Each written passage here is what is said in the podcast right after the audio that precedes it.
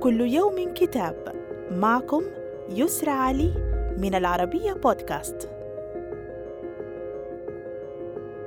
كتابنا اليوم بعنوان مصير روما. للمؤرخ كايل هاربر. قدم فيه رؤية مغايرة لأسباب سقوط الإمبراطورية ويكرس اتجاها متعاظما في علم السيكولوجية.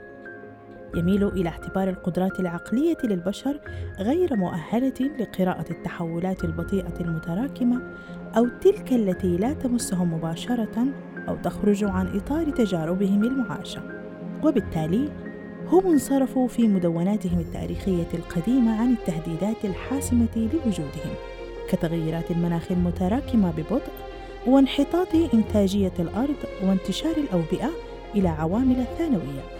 لكنها مباشرة رأوها رأي العين. وتتعلق بأحداث أبطالها البشر أفرادا وجماعات.